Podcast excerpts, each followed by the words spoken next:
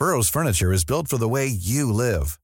From ensuring easy assembly and disassembly to honoring highly requested new colors for their award-winning seating, they always have their customers in mind. Their modular seating is made out of durable materials to last and grow with you. And with Burrow, you always get fast, free shipping. Get up to 60% off during Burrow's Memorial Day sale at burrow.com slash ACAST. That's burrow.com slash ACAST. burrow.com slash ACAST. Hiring for your small business? If you're not looking for professionals on LinkedIn, you're looking in the wrong place. That's like looking for your car keys in a fish tank. LinkedIn helps you hire professionals you can't find anywhere else, even those who aren't actively searching for a new job but might be open to the perfect role. In a given month, over 70% of LinkedIn users don't even visit other leading job sites. So start looking in the right place. With LinkedIn, you can hire professionals like a professional. Post your free job on linkedin.com slash people today. Hey, it's Ryan Reynolds, and I'm here with Keith, co-star of my upcoming film, If, only in theaters May 17th. Do you want to tell people the big news? All right, I'll do it. Sign up now and you'll get unlimited for $15 a month in six months of Paramount Plus Essential Plan on us. Mintmobile.com slash switch. Upfront payment of $45 equivalent to $15 per month. Unlimited over 40 gigabytes per month. Face lower speeds. Videos at 480p. Active Mint customers by 531.24 get six months of Paramount Plus Essential Plan. Auto renews after six months. Offer ends May 31st, 2024. Separate Paramount Plus registration required. Terms and conditions apply if rated PG. Helt siden de første menneskene slo seg ned i Trøndelag, har det blitt observert underlige lys over Hessdalen. Fenomenet har blitt forsøkt bortforklart som syner sett av bygdetullinger og deliriske hallusinasjoner forårsaket av den lokale drikkekulturen.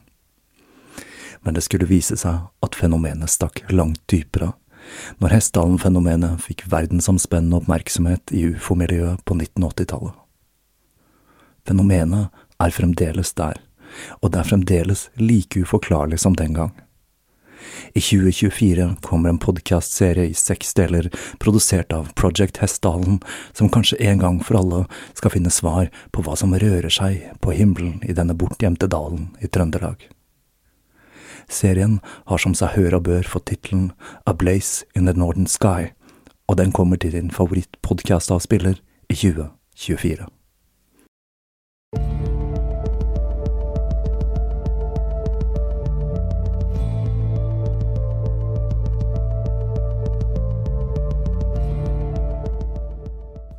Hei og velkommen til Tåkeprat.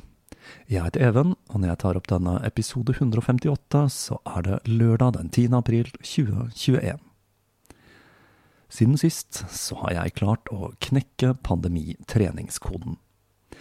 Vi er alle forskjellige, men jeg fungerer slik at dersom jeg skal få inn en skikkelig treningsøkt, så har jeg vært avhengig av rammene til et treningssenter. Jeg har aldri vært noe særlig til å gjøre ting som eksempel å jogge. Og når man først har klart å karre seg til et så kjedelig sted som et treningssenter, så er det ikke annet å gjøre enn å gi jernet og komme seg fortest mulig hjem. Men med nedstengningen så har dette blitt vanskelig. Selv om jeg har klart å få inn et par økter grytidlig om morgenen før sentrene stengte ned for godt i fjor. Til slutt så følte jeg at jeg hadde vært støttemedlem for det lokale treningssenteret lenge nok, og jeg sa opp abonnementet mitt. Men så var det denne treningen, da. Jeg liker selv å tro at jeg lever forholdsvis aktivt, men denne skikkelig harde utholdenhetstreningen som både kropp og syke har så godt av, har det blitt dårlig med i disse koronatider. Men så skulle det plutselig dukke opp en løsning fra uventet hold. En av de treningsformene jeg liker aller best, det er kardioboksing. Vil si boksing uten sparring, der fokus er å holde høyest mulig tempo og presse seg selv til yttergrensen. Og her en dag, da jeg bladde meg gjennom nettbutikken på Nintendo-switchen min, jeg er da svak for Nintendo sine spillkonsoller, så kom jeg over Fitness Boxing 2, som ble sluppet rundt juletider i fjor. For å gjøre en lang historie kort, det skulle vise seg å være en perfekt match for meg. Og nå tilbringer jeg 40 minutter hver morgen med å slå fra meg koronafrustrasjon til instruksene til min virtuelle boksetrener, akkompagnert av tidvis grelle, grelle syntversjoner av kjente låter. Så det var et treningstips fra meg. Det tror jeg er første gang i Tåkeprat sin historie. Men jeg er så imponert over hvor effektiv trening jeg har klart å få ut av switchen, at jeg følte det kunne være verdt å dele om det er noen andre der ute som sliter med å få inn gode treningsrutiner under nedstengningen. Men nå skal vi over til dagens episode. og den andre delen i serien om leiesoldaten John Hawkwood. I denne episoden skal vi annet kikke litt nærmere på hvordan det gikk til at paven bestemte seg for å flytte fra luksusen i Avignon og til et Roma i forfall.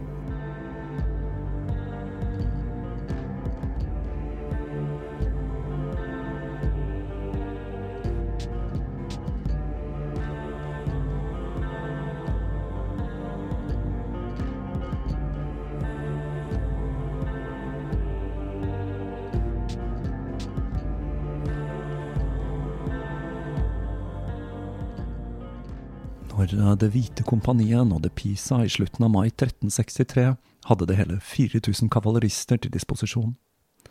Mesteparten av hæren slo leir utenfor bymurene, mens Hawkwood og kapteinene slo seg ned i selve byen for å utarbeide kontrakten. Denne kontrakten, eller kondotta, var det juridisk bindende verktøyet man brukte for å engasjere et av de frie kompaniene. Disse var utformet litt forskjellig fra stat til stat, men det var en del fellestrekk. For eksempel så ble sjelden beløpet betalt som én stor sum, men én del ble betalt som sikkerhet, mens resten ble betalt ut i månedlige lønninger. Det var ikke alltid kompaniet hadde de soldatene kontrakten krevde, så kapteingeneralen måtte sette i gang rekruttering for å oppfylle kravene i den.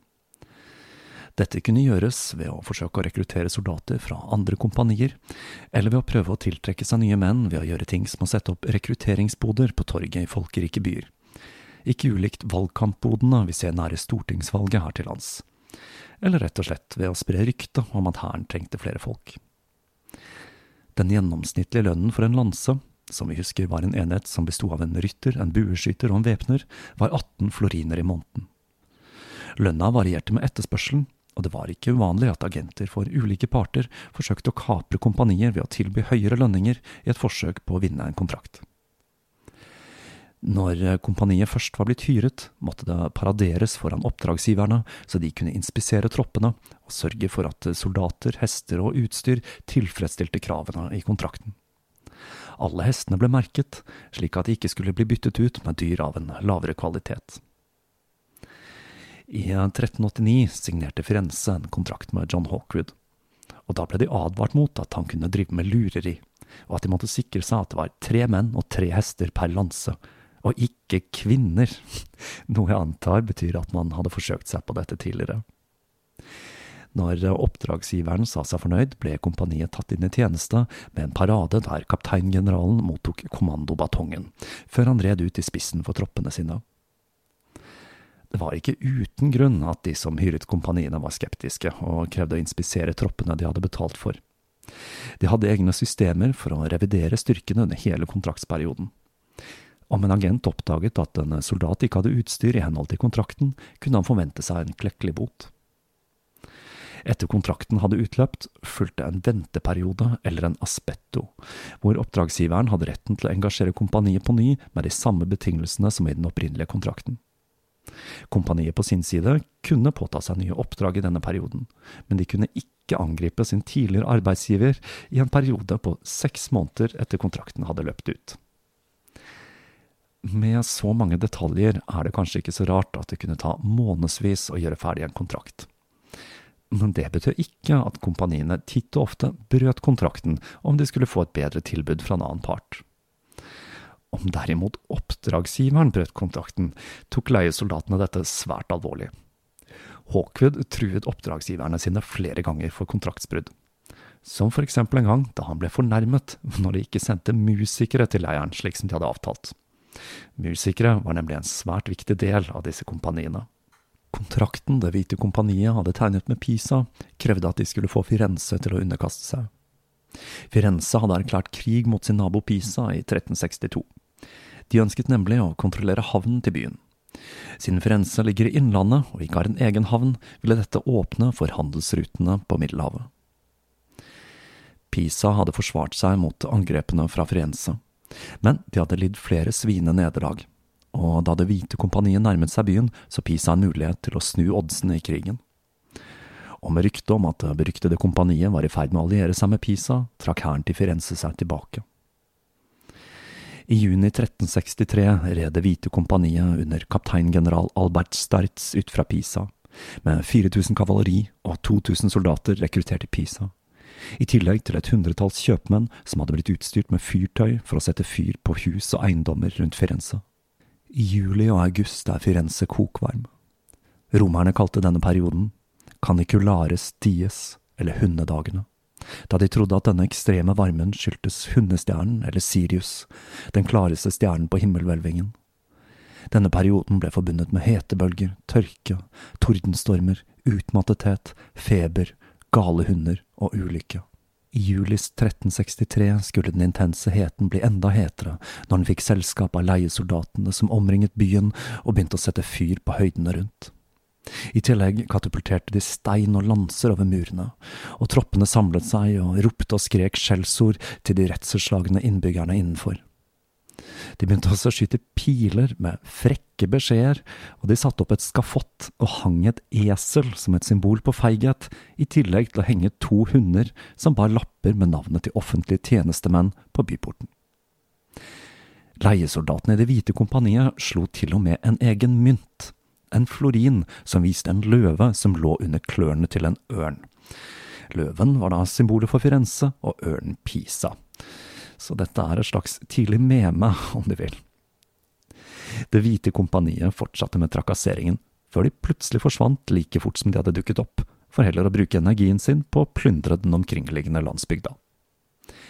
Det er usikkert om Sterz hadde planlagt å angripe byen, eller om han kun ville terrorisere befolkningen psykologisk. Kompaniet hadde ikke belæringsmaskiner, da det ville være upraktisk for en nomadisk hær og avstanden mellom Pisa og Firenze vanskeliggjorde også muligheten for en solid forsyningslinje, så et direkte angrep ville være urealistisk. Kompaniet begynte istedenfor å plyndre forstedene til Sienna, før byen til slutt gikk med på å betale 12 000 floriner i beskyttelsespenger, en sum som skulle firedoble seg i løpet av de neste månedene. Fornøyde med utbyttet dro hæren tilbake til Pisa, hvor de satte i gang med en støyende feiring den 7. august. Dette var bra for moralen til kompaniet, men de gjorde lite for å oppfylle kontrakten. Det skinner igjennom at Stertz nok ikke var den beste strategen, for det var Hawkwood som begynte å pønske ut en plan for hvordan de skulle bringe Firenze i knestående. Han forsto at de trengte en base som lå nærmere byen, og etter å ha vurdert alternativene siktet han seg inn på Figlin, en befestet landsby som lå fem mil unna. Festningsverkene til byen var ikke bygget ferdig, noe som gjorde byen til et attraktivt mål for kompaniet. Og så var det én ting til som gjorde dette til en perfekt base. Områdene rundt besto av kornåkre, som sto for en stor del av matforsyningen til Firenze, og få ting kunne destabilisere en bystat så kraftig som sult. Den 16. september falt Figlin til Hawkwoods brigade, uten å yte noen nevnverdig motstand. Denne raske seieren fikk mange til å undre seg om det lå noe mer bak enn bare militær strategi.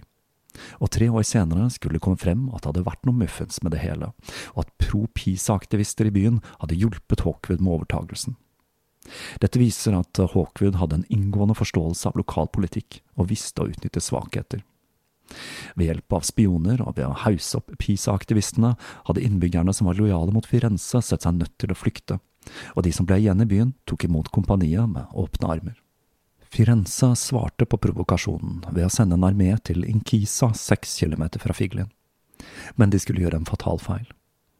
Hawkwood sendte en spion til leiren under påskuddet om å overveie en duell mellom en av hans riddere og en av soldatene fra Firenze.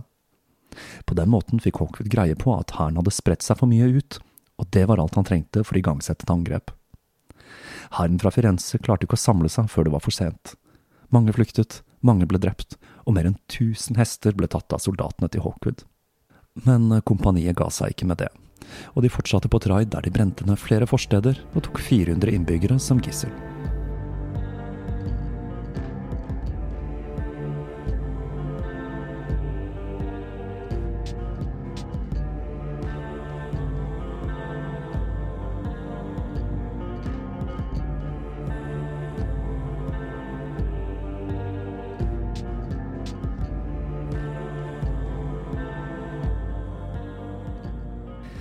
Desember 1363 erstattet Hawkwood Stites som leder og kapteingeneral for Det hvite kompaniet. Dette skyldtes at kompaniet var misfornøyd med lederskapet til Stites, og dette ble avgjort etter en lengre debatt og avstemning i henhold til kompaniets regler. En ny kontrakt ble tegnet med Pisa i januar 1364, hvor de lovet å betale 150 000 floriner i løpet av de neste seks månedene, i tillegg til å supplere Hawkwood med en personlig livgarde. Den 2. februar ledet Hawkwood 3500 kavalerister og 2000 infanterister mot Firenze. Italienerne var ikke vant til å kjempe vinterstid, så de forventet ingen motstand på veien dit. Men der skulle de ta skrekkelig feil. På veien ble de rammet av et fryktelig uvær, og når de skulle passere byen Pistoia, ble de overfalt av en mobb med lokale bønder, som hadde bevæpnet seg med det de hadde klart å oppdrive. Her snakker vi nok om de klassiske høygaflene og faklene, altså. Og utrolig nok, kompaniet led så store tap at de så seg nødt til å trekke seg tilbake. Dette var et unikt tilfelle i historien til de frie kompaniene, og det sviende nederlaget gjorde at Hawkwood aldri skulle ha noe mer med Pistoia å gjøre igjen. Dette kjøpte Firenze noen ekstra måneder, men i mai 1364, med 3000 nye tyske leiesoldater i hæren sin, satte Hawkwood igjen kursen mot Firenze. Kompaniet slo leir utenfor bymurene, og på samme måte som sist så begynte den psykologiske krigføringen. De festet natten lang, akkompagnert av trommer og trompeter, og ifølge et vitneutsagn så sjonglerte og danset de med fakler. De drev rett og slett med poi utenfor bymurene. Den neste dagen begynte de systematisk å brenne og ødelegge landområdene rundt byen, og de terroriserte og plyndret forstedene. Etter en måned med denne terroren hadde kompaniet overtatt alle områdene rundt byen, og myndighetene i Firenze begynte å se seg om etter en vei ut. Nå var det slik at det som regel var mulig å kjøpe seg ut av denne typen situasjon. Firenze hadde forsøkt dette når Det hvite kompaniet først dukket opp i Toskana, men da var det allerede for sent, og Pisa hadde overbydd dem 10 000 floriner. Men nå var de desperate, og de tilbød 100 000 floriner for å slippe unna kompaniets vrede. De fleste kapteinene i kompaniet, inkludert Sterz, lot seg bestikke, og tok grådig imot pengene og stakk av med soldatene sine. Det var kun Hawkwood som ikke lot seg friste, men nå hadde han ikke lenger nok soldater til å kunne gjennomføre offensiven mot Firenze, og han så seg nødt til å trekke seg tilbake til Pisa og advare dem om at Firenze planla å bruke dette fortrinnet til å oppildne til revolusjonen i byen. Med det ble det store hvite kompaniet splittet. Hawkwood og Sterz var blitt bitre fiender, når Sterz akkurat skulle leve lenge nok til å angre. Så skulle pave Urban den femte forsøke å gjøre noe med denne leiesoldatpesten, når han startet et korstog mot dem i 1364. Urban hadde overtatt pavesetet etter Innocenten 6., som hadde dødd i desember 1362. Urbans visjon var å starte et massivt korstog mot maurerne, for å sparke dem ut av de kristne landene i Lille-Asia. Planen var å engasjere leiesoldater fra de frie kompaniene til dette korstoget, og med det samtidig befri Italia fra denne leiesoldatpesten. Men for å få til det, så måtte han overbevise kompaniene om at det var lite å hente i Italia.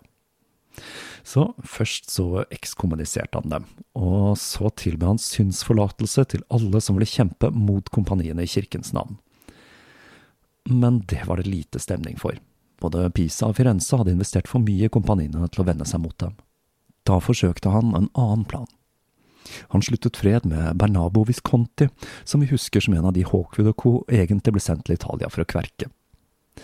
Det fikk han til ved å betale Visconti en halv million floriner for å få tilbake områder som han hadde tatt fra kirken. Det betød fred, og fred, det var dårlige nyheter for kompaniet.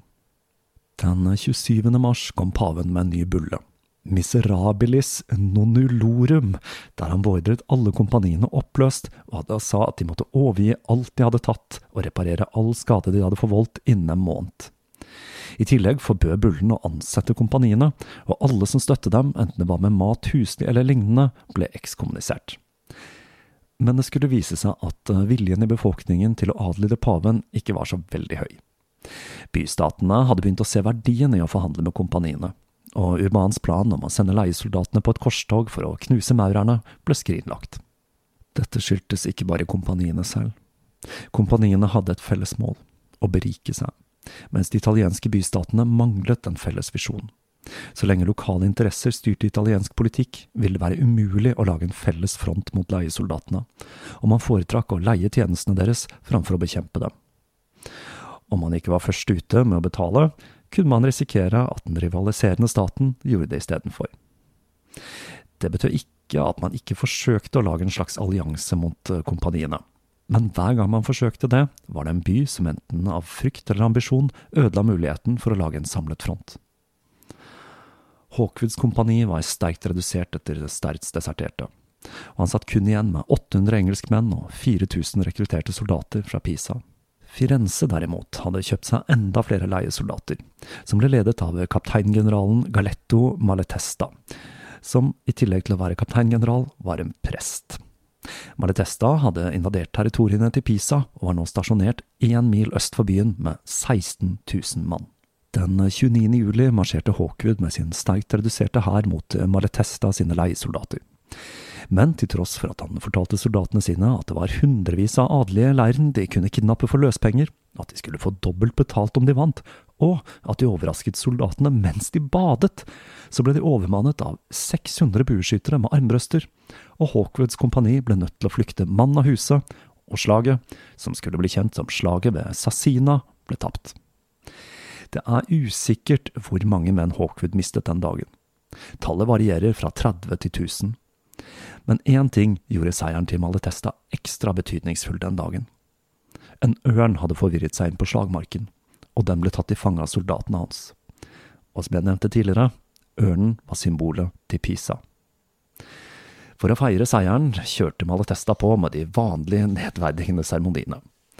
Han slo egne mynter til minne om slaget, og hang to esler, to kastrerte lam og en hund med en lapp hvor man kunne lese dere kom som sauer og hunder til leiren vår, så vi måtte behandle dere som sauer og hunder.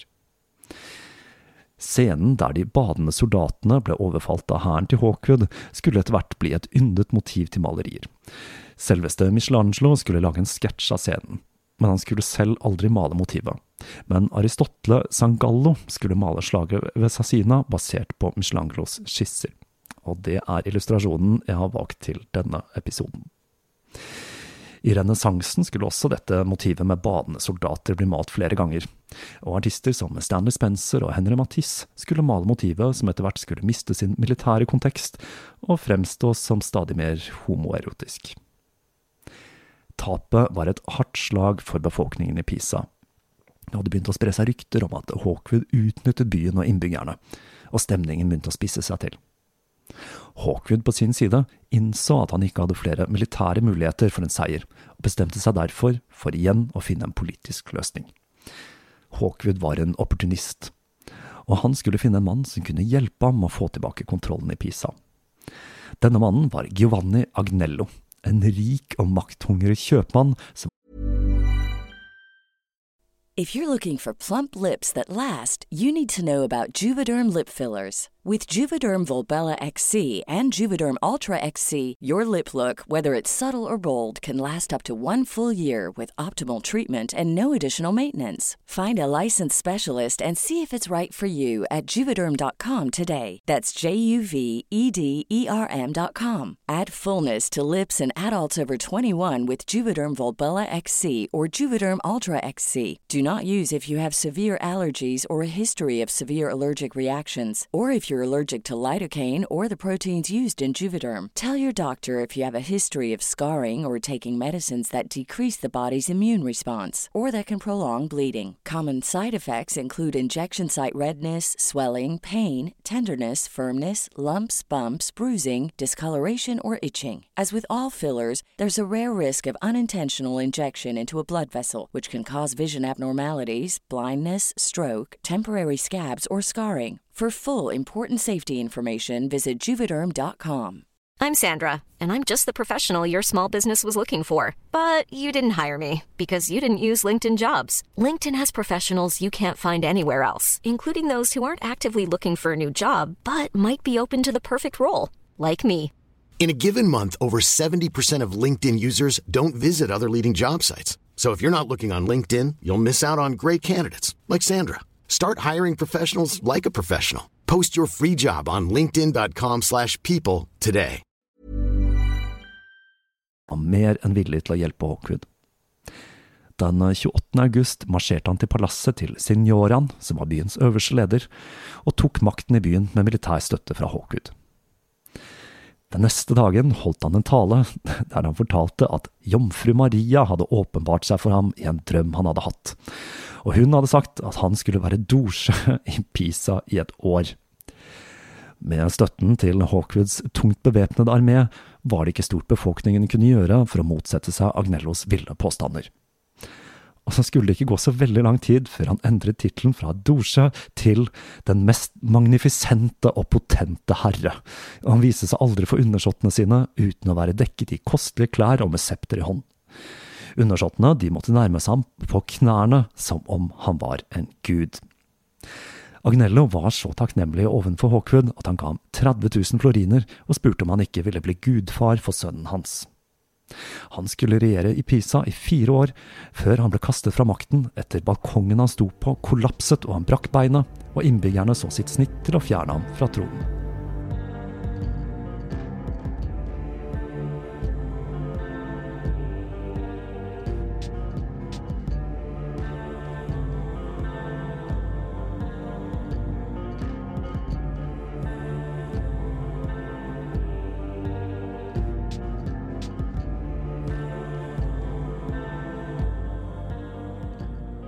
Kun noen uker etter slaget ved Sassina undertegnet Firenze og Pisa en fredsavtale. Så de to statene som hadde brukt ekstremt mye ressurser på krig med hverandre, kom ut av det hele med tap på begge sider. De frie kompaniene hadde ikke fått fotfeste i Italia om det ikke hadde vært for drahjelpen de fikk fra italienerne selv. Men de var ikke helt fritatt for egne konflikter heller. Til å begynne med så hadde det vært en uskreven lov om at kompaniene ikke skulle angripe sine egne, men dette hadde endret seg etter beleiringen av Firenze. Sterz ledet fremdeles sitt eget kompani, Stjernekompaniet, som han hadde dannet etter han hadde desertert under beleiringen av Firenze. To av de andre kapteinene som hadde desertert den dagen, Baumont og Hugh, hadde sluttet seg til Hawkwood igjen, men Hawkwood og Sterz var nå bitre fiender som forsøkte å ta rotta på hverandre. Sommeren 1365 var Det hvite kompaniet igjen på lønningslista til Vatikanet. Pavens legat, Gigio Alborons, hadde 200 000 floriner på bok for å ta knekken på Visconti-familien i Milano. Men av en eller annen grunn så ble det en pause i krigføringen, og med det så vendte Det hvite kompaniet oppmerksomheten sin mot Stjernekompaniet og Sterz. Etter noen mindre slag møttes de to styrkene ved San Mariano den 25. juli. Slaget varte i fire timer innen den intense heten. Men da Hawkwood innså at de var i ferd med å tape, valgte han å trekke tilbake styrkene sine til festningen i San Mariano for å unngå enda et nederlag, og sterkt startet med beleiringen av festningen. Dette var en ekstremt varm sommer, og hæren til Hawkwood manglet forsyninger, så de så seg nødt til å drikke blod fra hestene sine, i tillegg til sin egen urin. Til slutt så fikk soldatene nok av hesteblod og urin, og de skrev et brev der de ba om nåde, og nåde, det fikk de. Stjernekompaniet sa seg villig til å ta dem levende om de overga seg, kanskje fordi de så muligheten til å skaffe seg nye rekrutter til sitt eget kompani. Den 27. juli overga 2024 soldater fra Det hvite kompaniet seg, sammen med alle eiendelene sine. Fangene ble eskortert til Perugia, hvor de til tross for en stor eskorte ble spyttet og kastet stein på, og flere ble lynsjet av mobben. Men det var en byrde å ta seg av så mange fanger så de fleste ble løslatt etter bare noen dager, mens noen hundre ble holdt igjen som gisler fram til løsepenger hadde blitt betalt. Sterz ble hedret for innsatsen sin av innbyggerne i Perugia, og han fikk borgerskap i byen, i tillegg til sitt eget hus.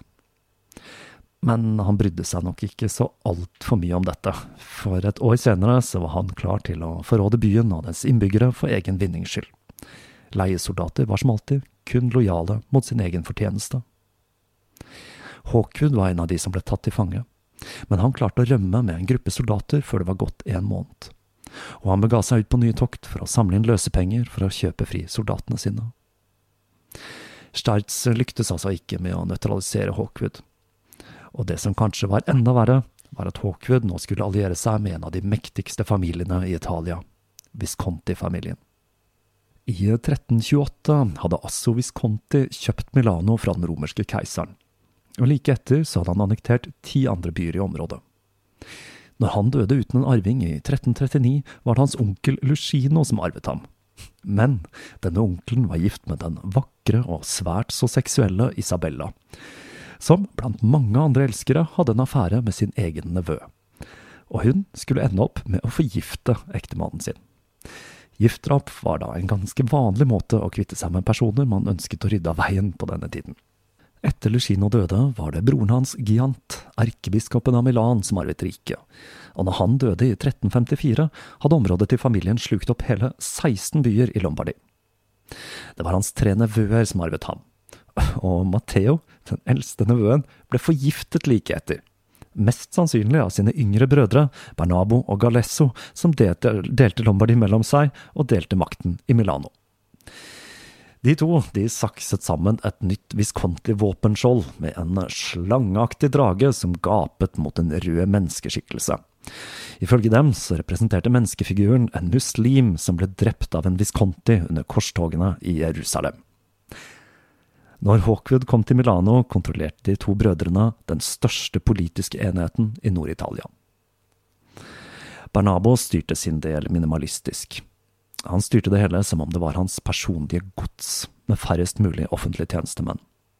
Han var også svært opptatt av krig, og mente at krig var den eneste aktiviteten det var verdt å bruke tid og krefter på, så han ledet alle hærtogene sine personlig. Han var kjent for å være ekstremt hissig og vill, og det var bare hans kone, Beatrice Skalliger, som turte å nærme seg han når han hadde sine raseriutbrudd. Beatrice hun skulle føde ham hele 14 barn, i tillegg så hadde han talløse bastarder med sine elskerinner. Det var da Bernabo Hawkwood skulle alliere seg med i Toskana. Offisielt var det fred mellom Bernabo og kirken, og han hadde ingen offisiell grunn til å føre krig mot republikken i Toskana, men han så at det å ekspandere sørover var en gyllen mulighet for å utvide makten sin. Medhjelperen hans i dette var bastardsønnen Ambrogio, som med sine 22 år var en erfaren soldat.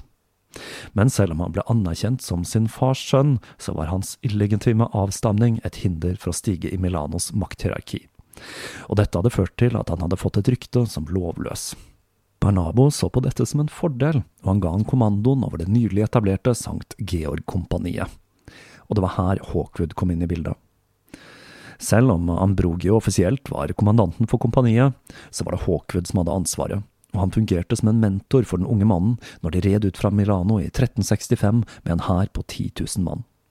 De satte kursen mot Siena, som var preget av interne stridigheter, noe som gjorde den velstående byen til et attraktivt mål for Hawkwood med sine politiske spill. Siena var den byen i Toskana som hadde blitt hardest rammet av de frie kompaniene, mye fordi den sjelden benyttet seg av kompanienes tjenester selv. I et forsøk på å stoppe kompaniet sendte Siena ut ambassadører med gaver i håp om at dette ville stoppe fremrykningen, men det gjorde de ikke. I desperasjon begynte de å brenne opp åkrene sine, slik at det ikke skulle være mulig å brødfø hæren til Hawkwood. For å gjøre dette så ansatte de egne spesialister på å brenne avlinger, og disse folka var ikke helt ulike leiesoldatene selv. De leide ut tjenestene sine til høystbydende, enten det dreide seg om bystater eller kompanier. Alle verdisaker og matlagre ble flyttet inn bak bymurene.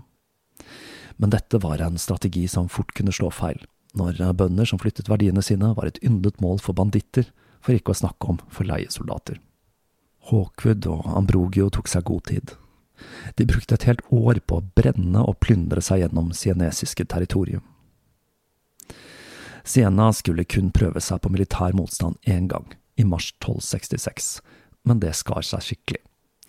Hawkwood tok kommandanten til fange og krevde 10 000 floriner i løsepenger. Siena begynte å punge ut mer og mer penger for å unngå fysisk krigføring, og det førte til at skattene ble økt, og med det at befolkningen var under et økonomisk press så vel som et psykisk et og med hver florin som forsvant ut av byens skattkiste, ble leiesoldatene rikere og rikere. I april 1366 var Siena i knestående. Alle de omkringliggende områdene var lagt øde, og ambassadørene sleit med å komme noen vei. Dette var før man hadde diplomatisk immunitet, og det hendte titt og ofte at ambassadørene selv ble tatt som gisler. Til slutt så Siena seg nødt til å gi et tvangslån til kompaniet, i bytte mot et løfte om å la byen være i fred i fem år.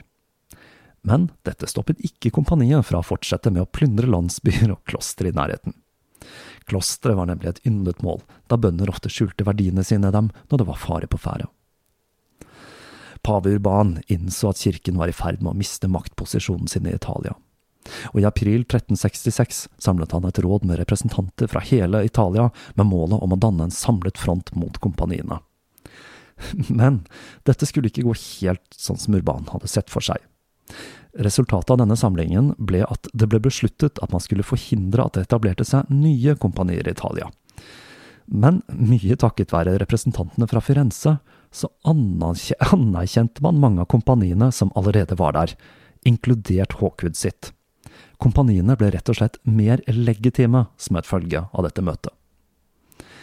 De mindre kompaniene, som ikke fikk denne anerkjennelsen, ble nå nødt til å slutte seg til de store kompaniene, som nå fikk enda mer makt. Så rådet, hvis mål hadde vært å kvitte seg med kompaniene, endte opp med å lage et regulert marked der de største og sterkeste kom best ut av det. Firenze satte sin egen uavhengighet over alt annet, og de var svært bekymret over pavens innflytelse. Grunnen til at de hadde blitt med i dette rådet og alliert seg med paven, var at de så at Hawkwood og St. Georgs kompani var et verktøy for Bernabo Visconti, og at de trengte kirken for å stagge den milanesiske innflytelsen i nord. For kirken var alliansen en døråpner for igjen å kunne flytte pavesetet til Roma. Albert Sterth sitt kompani var det eneste av de store kompaniene som ikke ble anerkjent som legitimt. Grunnen til det var at kompaniet hans, med 2500 soldater, hadde inntatt Perugia, noe som gjorde at verken paven eller Firenze kunne ta denne byen, som var strategisk viktig, og som var tenkt som et mulig alternativt pavesete. Sterz visste at han var på tynn is, og at om de fire kompaniene som hadde blitt anerkjent, skulle rotte seg sammen mot ham, så ville han være sjanseløs. Men så, i oktober 1366, ble Sterz arrestert av magistratene fra Perugia dømt til døden og halshugget. Sterz ble henrettet for å ha stått i ledtog med kirken og pavens utsending Albornoz. Her er det mye sannsynlig at Albornoz og Hawkwood samarbeidet for å ta han av dage. Albornoz hadde tilbudt Sterz amnesti og en kontrakt med paven, og når Sterz ble arrestert, så benektet ikke Albornoz beskyldningene, og med det sikret han dødsdommen til leiesoldaten. I mai 1366 hadde Albornoz med noen få soldater etter sigende slått Hawkwood i et slag ved Orvieto, noe som er svært lite sannsynlig. Her kan det tenkes at de to egentlig hadde et møte og la en plan sammen for hvordan de skulle rydde Sterz av veien. Hawkwood hadde jo et horn i siden til Sterz, i tillegg til at Sterz fremdeles hadde mange av soldatene hans som gissel. De to kan ha avtalt at Hawkwood skulle tipse perugianske myndigheter om at Sterz var i ferd med å forræde dem. Med Sterz og Stjernekompaniet ryddet av veien, forlot Hawkwood Ambrogio Visconti og tok med seg Det hvite kompaniet til Perugia, hvor 1500 innbyggere ble drept og flere hundre ble tatt til fange. Albornoz med sitt renkespill hadde nå sørget for at veien til Roma lå åpen for paven. Den nye paven, Urban 5., var en ganske annerledes pave enn sin forgjenger. Han hadde aldri vært kardinal, og hadde derfor ikke blitt påvirket av kirkens korrupsjon. Urban likte å leve spartansk, og han foretrakk ofte å bruke en munkekutte framfor paveklærne, og han forsøkte det han kunne å luke ut korrupsjon i Avignon.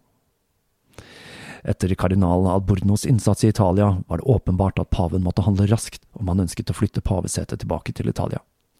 Og den 14. september 1266 erklærte han at han ønsket å flytte tilbake til Roma. Selv om noen gledet seg over denne nyheten, var det flere som ble dypt rystet ikke minst kardinalene, som plutselig måtte belage seg på å flytte fra luksusen i Avignon til en usikker framtid i Roma. Den franske kronen og Karl 5. var heller ikke spesielt fornøyd, da dette kom til å føre til at Frankrikes innflytelse over kirken ville bli svekket.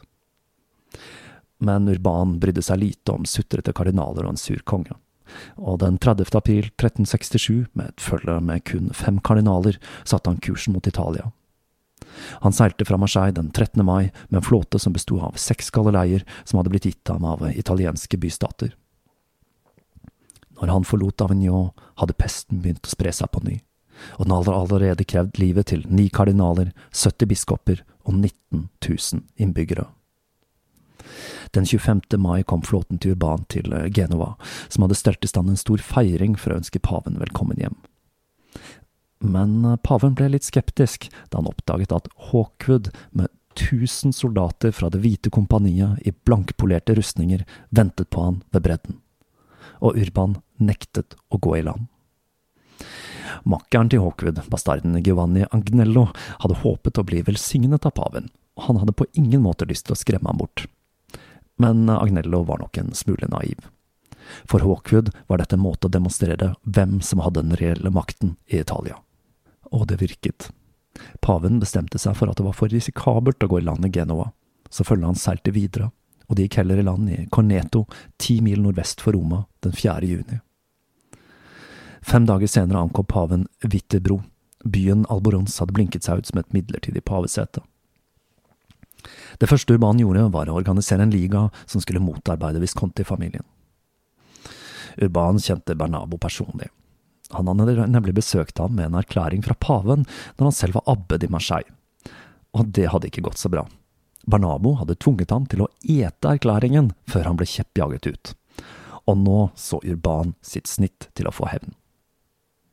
Ligaen, som besto av de fleste fiendene til Visconti-familien, undertegnet traktaten den 31. juli, og det eneste som gjensto nå, var å innsette paven i Roma.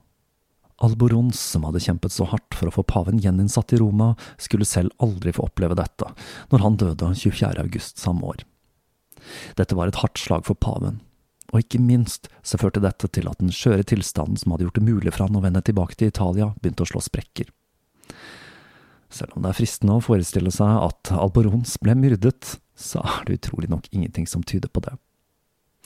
Men kun noen få uker etter han døde, begynte folk i Vittebro å gjøre opprør. Selv om Urban var mot korrupsjon og gjorde ting som å nekte å gi penger og viktige stillinger til egen familie, så lot han de franske kardinalene fortsette å leve i den susen og dusen de var vant til fra Avignon. Og dette, kombinert med den nedlatende holdningen kardinalen hadde mot lokalbefolkningen, førte til opptøyer, og palasset til Urban ble beleiret i tre dager før soldater fra Siena og Roma knuste opprøret i Vittebro. Dette var bare begynnelsen på ustabilitetene som skulle følge pavens flytting til Italia. Og dette gjorde at det ville være umulig for Urban å sette kursen til Roma før han hadde en betraktelig hær til å støtte seg, noe han hadde når han red mot Roma den 16. oktober 1367. Kirken og militæret eksisterte i symbiose. Og der vi i dag tenker på Kristus som en slags ikke-voldelig skikkelse, var Jesu død langt viktigere enn hans liv i middelalderens teologi. Kirkene var preget av bilder av krig, og helgener for ridderlighet var populære, samt Sankt Georg, Sankt Mikael og Sankt Barbara, som vi husker som skytsehelgen for artilleri fra episoden om Santeria. Soldatene graverte ofte våpnene sine med bibelsitater og festet relikvier til skaftet. Før man dro ut i krig, var det vanlig med religiøse riter som skriftmål og nattverd. Selv blant leiesoldatene i de frie kompaniene var dette vanlig. Til tross for at de ikke brydde seg så mye om kirkens sanksjoner, så brukte de enhver anledning til å sikre seg et godt liv etter døden. Selv presteskapet var nært knyttet til det militære, og selv om kirken offisielt forbød det, så hendte det titt og ofte at de vervet seg til tjeneste som vanlige soldater.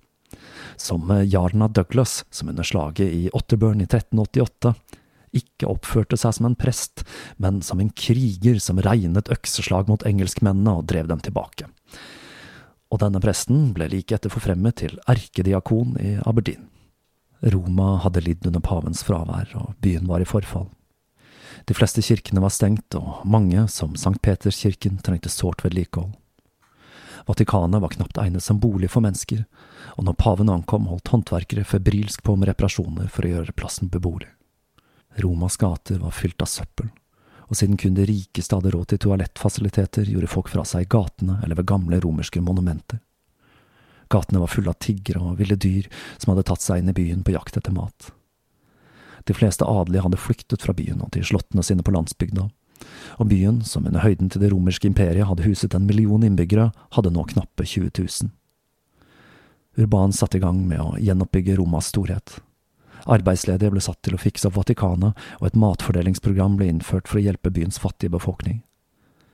Det hele var starten på en ny epoke for Roma, og en ny ro senket seg over Italia. Men med alt som måtte gjøres i Roma, hadde pave Urban 5. helt glemt de frie kompaniene.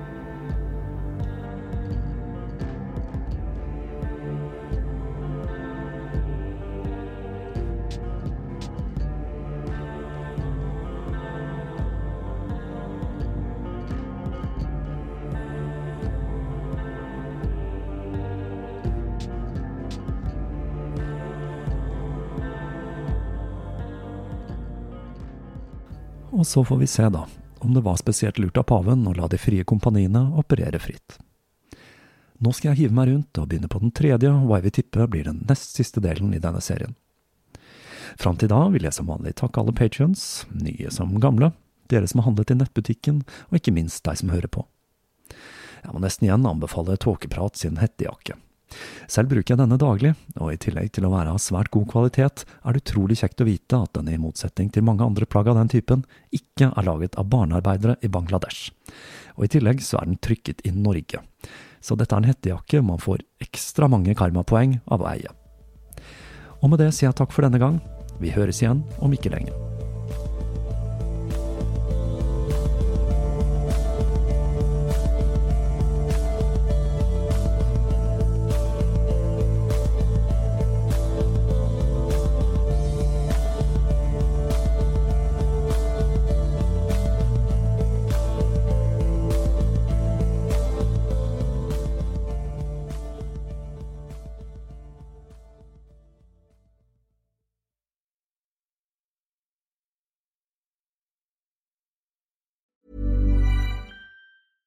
Even when we're on a budget, we still deserve nice things. Quince is a place to scoop up stunning high-end goods for 50 to 80% less than similar brands. They have buttery soft cashmere sweaters starting at $50, luxurious Italian leather bags, and so much more. Plus, Quince only works with factories that use safe, ethical, and responsible manufacturing. Get the high-end goods you'll love without the high price tag with Quince. Go to quince.com/style for free shipping and 365-day returns. Summer's just around the corner, so give your body the care it deserves with Osea's best-selling Undaria algae body oil. Created by infusing Undaria seaweed in barrels of botanical oils, it leaves skin silky soft and glowing. Plus, it's clinically proven to improve elasticity and deeply moisturize without feeling greasy. It's safe, clean, vegan skincare. Get 10% off your first order at OseaMalibu.com with code GLOW, plus free shipping on orders over $60.